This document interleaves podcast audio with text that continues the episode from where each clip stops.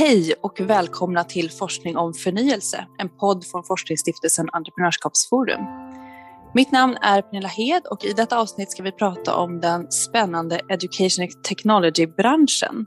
Och som gäst har jag därför Jan Hylén, filosofie doktor och utbildningsanalytiker på Education Analytics som även har lång erfarenhet av dessa frågor och dessutom är aktuell hos Entreprenörskapsforum med en nyutgiven rapport som har titeln Är edtech Sveriges nästa stora exportbransch? Välkommen Jan! Mm, tack så mycket! Och den här rapporten som du har skrivit den är en del i en serie rapporter kring branscher som kan beskrivas som svenska under. Och eh, Entreprenörskapsforum har gett ut ett antal rapporter över branscher där svenska företag utmärkt sig både med stark tillväxt såväl som uppmärksammas internationellt. Och i den serien ingår dataspels-, musik-, mode och techbranscherna. Och då med din rapport har vi tagit steget vidare och tittar närmare på branscher som kan kvalificera sig för att bli kommande underbranscher. Och i denna serie då ingår eh, sport, sportstech, edtech, cleantech och foodtech och i dessa då sammanställs forskningsläget och utvecklingen inom respektive bransch. Men idag har vi alltså fokus på edtech, en bransch mm. som verkligen kom i fokus i och med pandemin och ökade behov av distansundervisning. Mm. Och lyckligtvis då i Sverige hade vi redan hunnit med omkring 30 års digitalisering på utbildningsområdet och edtech-branschen kunde snabbt agera på en jämförelsevis mogen hemmamarknad. Jag tänkte Jan, vill du inleda med en kort beskrivning av Education Technology, kanske lite historik och en kort lägesrapport om var branschen befinner sig idag? Ja, eh, om vi börjar med att, att eh, ge en enkel definition då av EdTech så brukar man säga att det är digitala verktyg som används inom utbildning för att effektivisera administration samt stärka lärarnas undervisning och elevernas lärande. Så att det är både så att säga den administrativa delen och den mer undervisande och lärande delen som, som täcks in.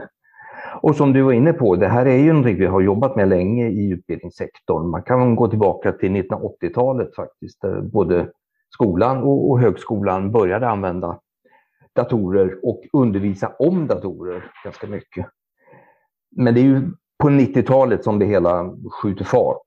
Eh, den stora tillväxten kommer med internet då, som etableras utanför forskningskretsar mer i mitten på 90-talet ungefär. Och där var både skolan och, och högskolan i Sverige tidigt ute och, och, experimenterade och hittade nya sätt att använda detta. Just det, jag kommer till exempel ihåg att man kunde få ta ett datorkörkort och sånt på min tid. Ja, precis, exakt. Jo, det var ju i början där mycket fokus på liksom, eh, de tekniska delarna och hur man skulle göra får ju komma ihåg att tekniken var ju inte alls lika användarvänlig då som nu, så att det kanske behövdes ett körkort.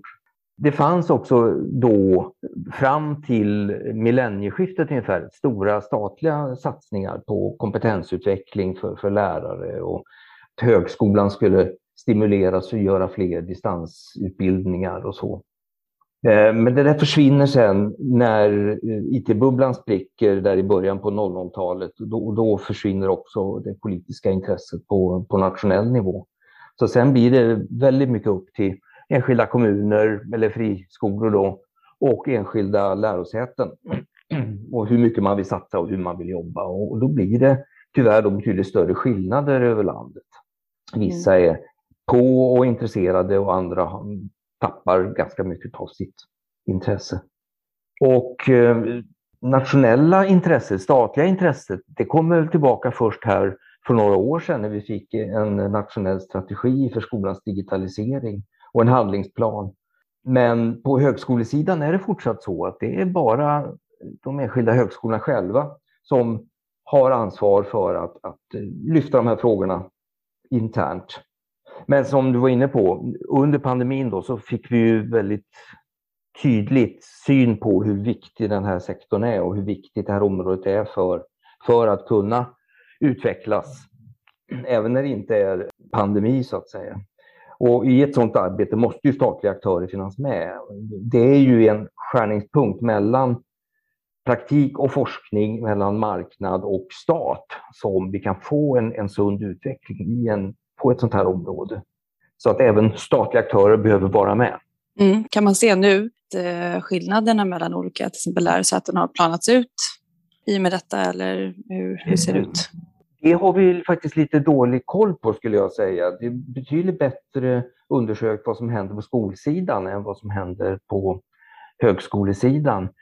Eh, det kom en rapport för ett drygt år sedan som undersökte just högskolans digitalisering och visade på att eh, det är rätt stora skillnader. Om de har minskat under pandemin, det vet vi faktiskt inte.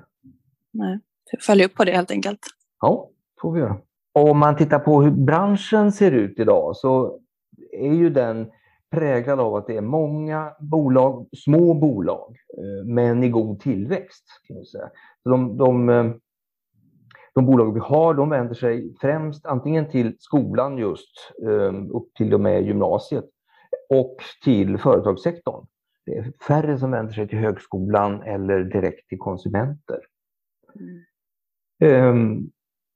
Många, ungefär hälften av de som, eh, företagen som finns med i den här svenska branschorganisationen, de har bara upp till fem anställda, så det är verkligen präglat av, av små bolag. Men både här i Sverige och globalt så räknar man med en tillväxttakt på 10-12 procent om året. Så har det sett ut de senaste åren och, och så räknar man med att det ska bli framöver också. Mm. Så en, en eh, bransch med många små bolag med en eh, ganska hård konkurrens i Sverige. Eh, och där entreprenörerna själva tycker då att det är långsamma processer eftersom man vänder sig mot skola, offentlig sektor så, så är det upphandlingar som behöver ske då. Det tar lång tid. Det är svårt för kommuner att upphandla, det vet vi sedan tidigare. Mm. Så att entreprenörerna är lite otåliga och det ligger väl kanske i deras natur också att vara det. Ja, precis. Eh, och i, i rapporten så har du tittat och sammanställt forskningsläget kring EdTech. Och jag tänkte om du ville säga någonting om hur evidensen ser ut. Hur, hur ser utvecklingen ut och kan digital teknik verkligen ge goda utbildningsresultat? Ja, alltså det första man kan säga det är det här väldigt stort forskningsfält. Alltså, utbildningssektorn i sig är ju väldigt stor och kan undersökas ur många olika synvinklar. Så mm. det där gör ju att det blir lite fragmentarisk kunskap. Det är svårt att säga att så här ser forskningsläget ut. Utan det beror lite grann på vilket perspektiv man, man lägger på det. Mm. Men det finns ganska många studier eh, som visar på att digitala verktyg förbättrar både elevers och studenters resultat och ja, kan sägas då effektivisera lärandet i, i någon mening. Men det, det svåra är att det handlar ju så lite om verktygen och så mycket om hur tillämpningen sker i, i den enskilda situationen. Det är ju mm. mötet mellan lärare och elev eller lärare och student som eh, ja, lärandet händer så att säga. Och, och, det gör ju att det är svårare att säga att precis det här verktyget är, är jättebra. Det beror ganska mycket på hur det används i situationen. Mm. Och du tar upp det i, i rapporten lite om hur AI och VR och AR och till och med blockkedjeteknik och det kan användas i utbildningssammanhang. Och det låter ju spännande. Vill du ge några exempel eller någon framtidsspaning om vad som är på gång där och vart vi är på väg? Mm. Eh, vad gäller AI så är ju det återigen en väldigt bred term, men, men eh, det finns ju relativt avancerad användning inom läromedelssidan där man har det som kallas adaptiva läromedel. Alltså de anpassar sig efter det eleven eller studenten svarar på tidigare frågor.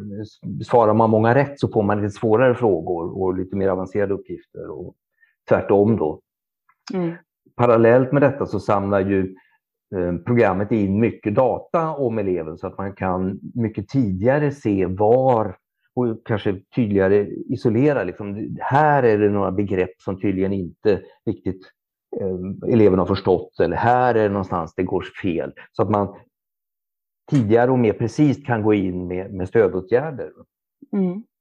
Också det här att betydligt tidigare kunna få väckarklockor. Um, det finns många amerikanska universitet som jobbar med uh, att försöka få studenterna tidigare ana att om du inte passar dig nu så riskerar du att åka ur, uh, att inte klara nästa tenta och så vidare. För man kan ju jämföra vad den här studenten har gjort med vad tidigare studenter har gjort och då ser man att de riskerade att åka ur om de inte kämpade på lite extra. Så att det finns ett antal sådana där tillämpningsområden som ju lovar väldigt gott mm. och, som skulle kunna användas mer.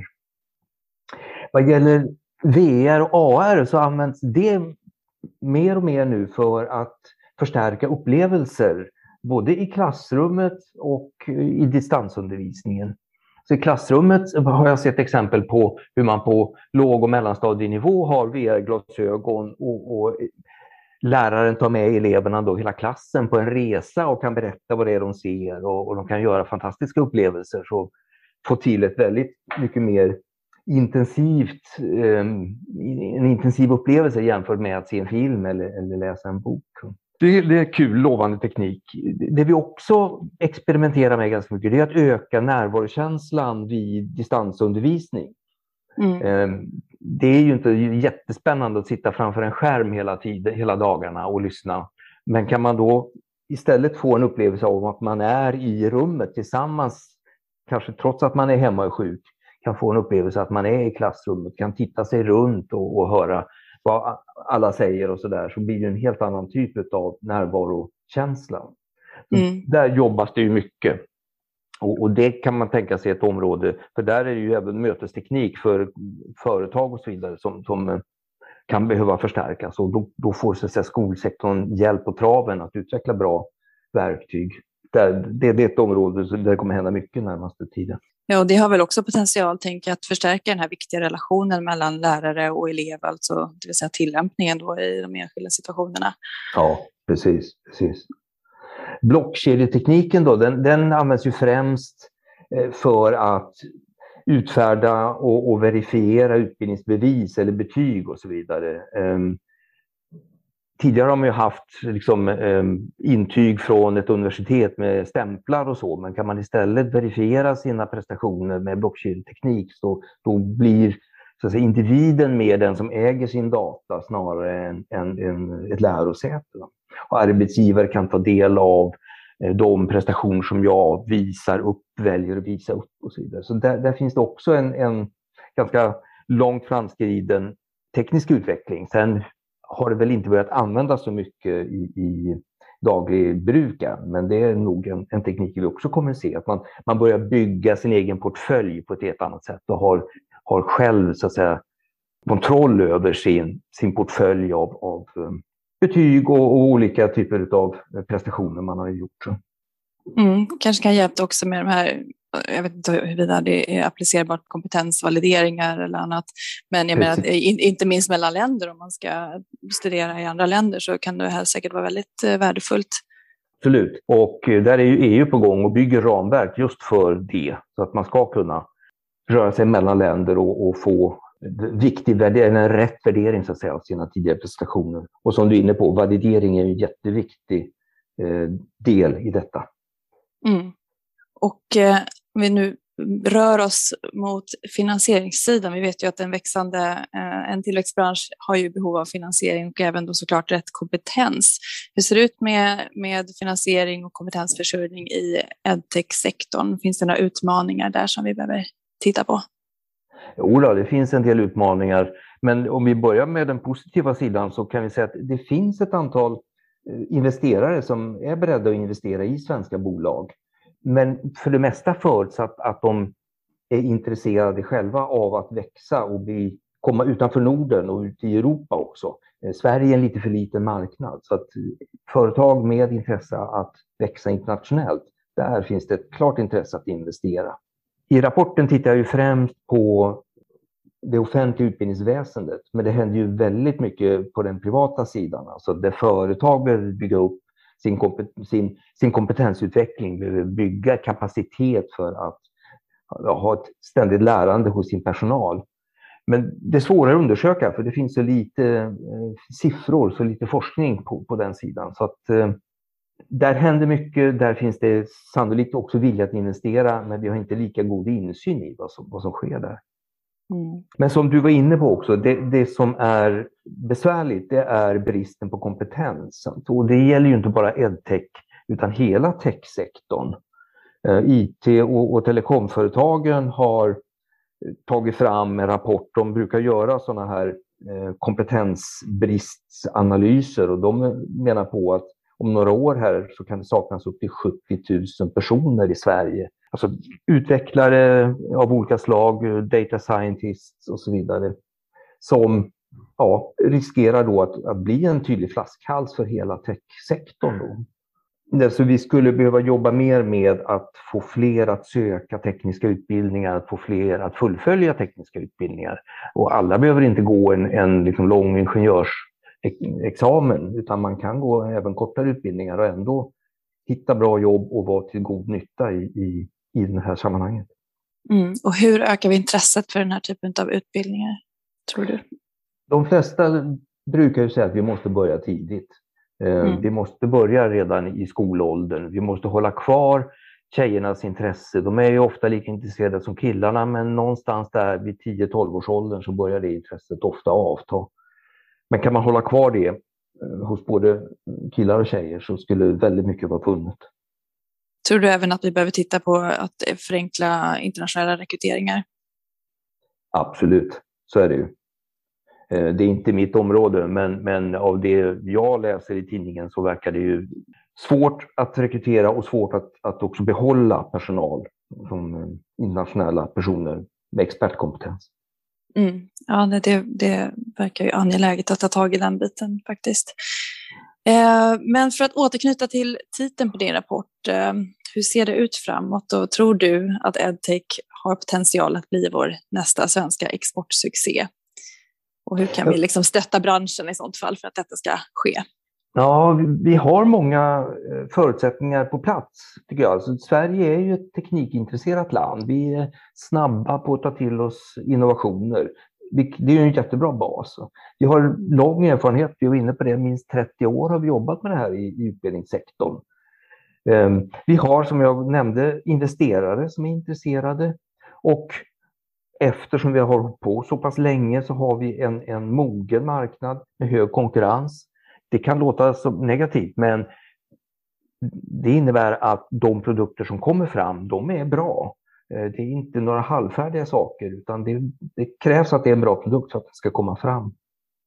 Och sist men inte minst så har vi nu då erfarenheterna och kunskaperna som vi skaffade oss den hårda vägen under pandemin vilket har gett ett, ett betydligt bättre samarbetsklimat. Och, och det, inte minst, tror jag är en väldigt god förutsättning för att komma vidare.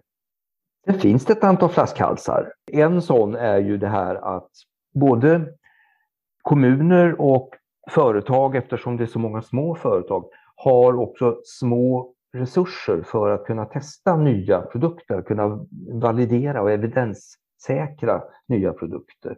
Så vi skulle behöva både bygga en kultur av testning och stärka resurserna så att man kan få hjälp att göra det.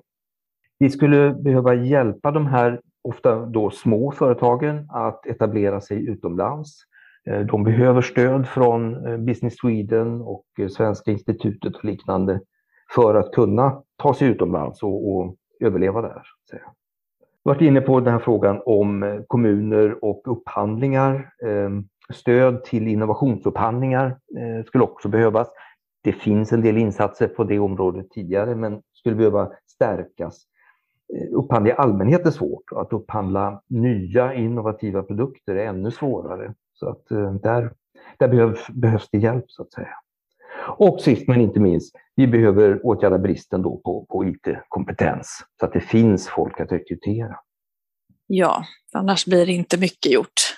Nej. Och jag tänkte, av, för, för som en liten avrundning, eh, om du får lyfta det du tycker är absolut mest angeläget just nu ur ett policyperspektiv, var, var ska vi börja för att säkra en fortsatt framgångsrik edtech-marknad?